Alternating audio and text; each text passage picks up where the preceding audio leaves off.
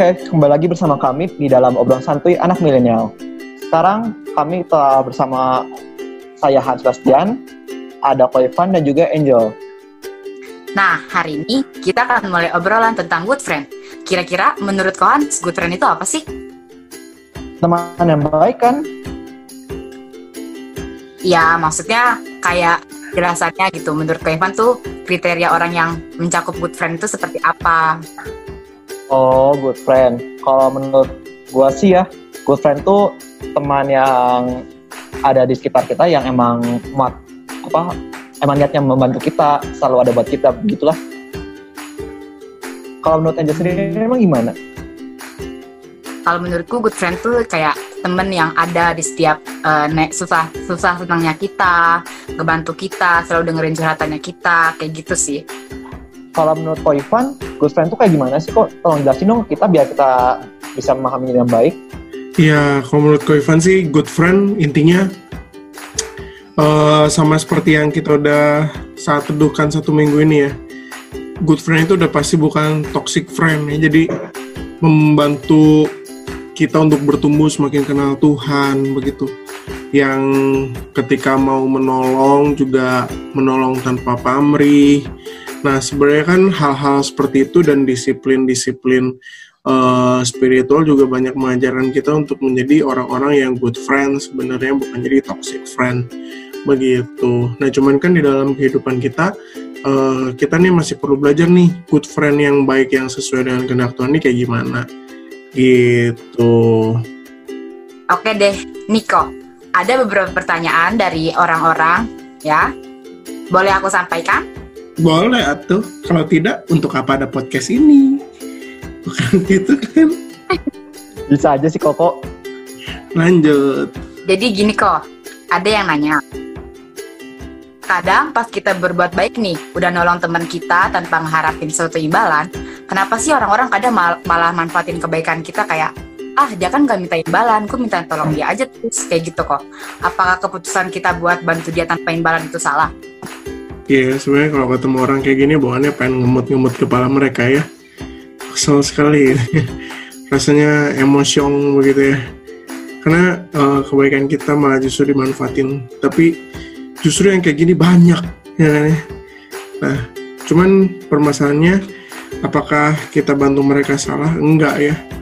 Jadi waktu kita lagi bantu ya memang urusan kita sama Tuhan. Seberapa tulusnya kita, kita lihat uh, dan kita uji di hadapan Tuhan. Karena tuh firman Tuhan dalam Galatia juga menyebutkan ya Galatia 6 ayat yang kedua di situ dibilang kayak gini. Bertolong-tolonganlah menanggung bebanmu. Demikianlah kamu memenuhi hukum Kristus. Jadi sebenarnya waktu kita lagi menolong orang itu lagi memenuhi uh, satu hukum Kristus ya maksudnya. Hukum yang mana? Hukum yang mengasihi orang lain uh, sama seperti kita mengasihi diri kita sendiri. Nah, sebenarnya itu kan ya. Nah, cuman sekarang pertanyaannya adalah ketika ketika kita sudah tulus, ketika kita sudah memberikan yang uh, terbaik itu, terkadang disalahmanfaatkan, begitu kan ya. Nah, teman-teman, poin penting yang kita harus sadari bahwa itu bukan tanggung jawab teman-teman, tapi itu tanggung jawab orang itu.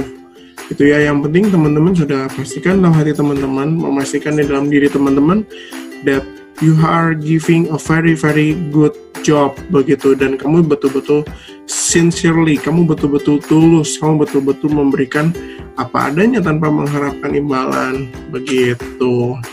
Jadi kok teman kalau teman seperti itu sebaiknya kita jauhin atau kita ampuni saja? Uh, tentu pilihan menjauhi itu salah ya. Jadi uh, opsi itu harus pertama-tama kita hapuskan. Kenapa? Sebelum kita uh, buru-buru menjauhi satu orang kan memang Tuhan juga selalu ngajarin kita kan uh, mengampuni ya di doa Bapak kami kan bilang uh, sama seperti kami juga mengampuni orang yang bersalah kepada kami. Cuma terkadang kita mengampuninya nggak tulus juga ya perlu diakui. Terkadang kita mengampuni ya mengampuni ya Tuhan tapi dia masih gitu ya kan dia masih menyebalkan gitu kan ya. Nah mungkin akan lebih baik di mana kita belajar mendoakan mereka kita belajar mendoakan mereka karena memang kita tahu bahwa yang berkuasa mengubahkan manusia bukanlah manusia tapi yang mengubahkan manusia itu Tuhan dan kuasanya Gitu. Jadi lebih kurang kalau misalkan ketemu orang-orang kayak gini, ya gimana ya terima dan jangan lupa kan di materi podcast yang lalu kita pernah belajar gini ya. Besi menajamkan besi, manusia menajamkan sesamanya. Nah justru teman-teman melalui kejadian-kejadian kayak gini ya ketemu sama orang-orang yang toxic, toxic, toxic friend ini kan ya. Di satu sisi juga mendorong untuk setiap kita buat betul-betul menjadi a good friend yang baik, a good friend yang betul-betul takut akan Tuhan Yesus, a good friend yang betul-betul bisa memancarkan terang Tuhan, begitu kan ya? Kayak di Matius, dibilangnya hendaklah terangmu bercahaya di depan semua orang. Jadi lagi bercahaya juga juga nggak pilih-pilih begitu. Kalau misalkan mau lo Hans ngejauhin orang, berarti Hans misalnya gini, ya aku mau bercahaya, tetapi di depan contoh depan angel aja gue jadi redup gitu, yang nggak bisa, begitu kan ya. Uh, berbuat baik bukan untuk dipil, di dilihat orang dan bukan untuk memilih-milih begitu. Oh ya kok mau lanjutin pertanyaan Angel tadi. Kalau kita nih sebagai orang ketiga, terus kita ngeliat teman kita itu yang si orang baiknya malah dimanfaatin sama teman kita yang satunya lagi. Kita harus bertindak apa kok kalau kita mau jadi teman yang baik? Nah, yang pertama kita gini, kita tetap hidup dalam integritas ya dalam artian uh, kalau kita lihat ada orang yang tahu lagi dimanfaatin ya uh, satu kita bukannya uh, mendiamkan ya karena kan ada tipe-tipe tipe-tipe friend yang diem silent friend ya. Jadi uh, mau temennya masuk ke jurang ke mau ke mana di terkam buaya dia mah diem. Enggak ya. Tuhan memanggil kita bukan untuk menjadi orang-orang yang diem. Tapi Tuhan mau maunya setiap kita ya jadi terang itu. Begitu di mana ketika kita lagi um, melihat teman kita ada yang lagi dimanfaatin ya tapi kita juga memohon hikmat Tuhan gimana nih cara nyampeinnya? Terkadang waktu kita nyampein malah kita sendiri yang uh, dibilang ini ah lu suka ngadu ya lu gini gini gini gitu kan ya. Nah teman-teman sebenarnya kenapa bisa ada info info kayak gitu? Karena kita sendiri dalam membicarakannya tuh tidak tidak berhikmat begitu. That's why kita perlu banget waktu kita lagi mau nyampein ini kepada teman-teman kita, kita mohon hikmat Tuhan. Poinnya adalah di komunikasi. Bagaimana kita mengkomunikasikannya. Jangan terkesan kita seperti uh, melaporkan, eh lu lagi dimanfaatin orang lu. Yang terkesannya jadi kayak ngompol-ngompolin, nah, itu salah juga. Tetapi ya mungkin kita ngajak teman kita itu berpikir, eh bro, eh sis, uh, kayaknya lu kalau baik sama orang juga uh, gak boleh terlalu terlalu sembarang nih ngasihnya. Nah misal kayak gitu tuh kita kita memberitahu tapi di dalam koridor-koridor dalam berhikmat juga gitu sih. Itu kok dari Koko ya. Oke kok. Kamu sering menemukan yang seperti itu ya Hans? sering sih kok dari SMP sampai sekarang pun masih banyak. Mm-mm. Nah cuman mungkin yang perlu kita kembangkan adalah gimana sih cara kita uh, ngomongin itu ya berdoa pada Tuhan kita mohon Tuhan Tuhan tolongin dong supaya supaya saya betul-betul bisa menyampaikan dengan baik gitu. Jadi gini kok, misalkan nih kita emang udah tulus, udah udah nggak mau mengharapin imbalan buat uh, selama kita tolong orang. Tapi dari kitanya sendiri tuh pengen kayak uh, diingat gitu loh kok. Jadi kayak gue nih yang nolongin lu gitu sebelum sebelumnya. Itu sebenarnya boleh atau enggak sih kok? Ya pada dasarnya kalau kalau kayak gitu uh, ini adalah satu hal yang manusiawi ya. Jadi ketika Tuhan nyiptain kita juga uh, kita uh, dikasih kebutuhan-kebutuhan yang sifatnya psikis psikologis begitu. Nah, cuma sekarang pertanyaannya adalah uh, ketika kebutuhan-kebutuhan psikis itu, apakah kita mau belajar uh, melihat juga kebenaran firman Tuhan yang mengatakan bahwa yang sesungguhnya kita cari seharusnya bukan bukan itu, karena penghargaan yang terutama memang datangnya dari Tuhan, begitu kan ya. Jadi ketika kita menolong orang, kita bukannya lagi uh, melihat dan mengejar uh, pendapat mereka, begitu ya. Tapi kita yang kita kejar adalah pendapat Tuhan. Begitu. Berarti kalau misalnya kita berharap buat dihargain aja gitu kok itu termasuk minta imbalan atau enggak? Sebenarnya saya bisa bisa definisikan sebagai betul itu meminta imbalan tapi dalam bentuk yang lain. Nah makanya kita belajar betul-betul punya sincere heart ya, hati yang sungguh-sungguh tulus, yang betul-betul bahkan uh, ketika tidak dihargai oleh orang lain pun juga kita bisa bisa terima keadaan itu. Dan memang ini kan bicara tentang kedewasaan rohani, bicara tentang uh, kedewasaan berpikir, nah seperti. Kok kalau menurut Koko mencari good friends itu gampang gak sih? Ini gampang-gampang susah ya sebenarnya kalau ngomongin mencari good friend itu ya. Kalau gampang ya memang kan berarti koridornya kita bisa lihat dan kita bisa tahu uh, kriterianya apa aja yaitu yang memang yang takut akan Tuhan yang mendorong kita bisa bertumbuh lebih lagi tapi ya susahnya terkadang banyak yang uh, banyak yang baik di depan begitu kan ya. Tapi di belakang enggak juga. Nah, sebenarnya memang kita sebagai anak-anak Tuhan perlu perlu perlu melihat ini sebagai satu tantangan. Tapi juga jangan sampai uh, pesimis begitu bahwa nggak ada good friend begitu. Uh, gini kok.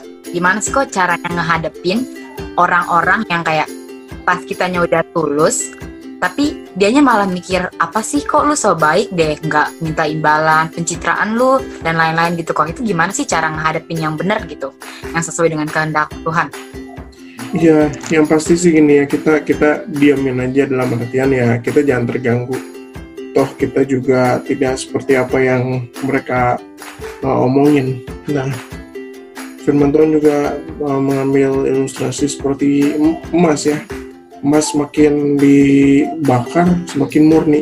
Nah sebenarnya kita juga semakin kita diomongin ya kita semakin semakin sadar nggak bahwa kita ini adalah orang-orang yang uh, sebenarnya lagi diuji kemurnian dan ketulusan hatinya begitu.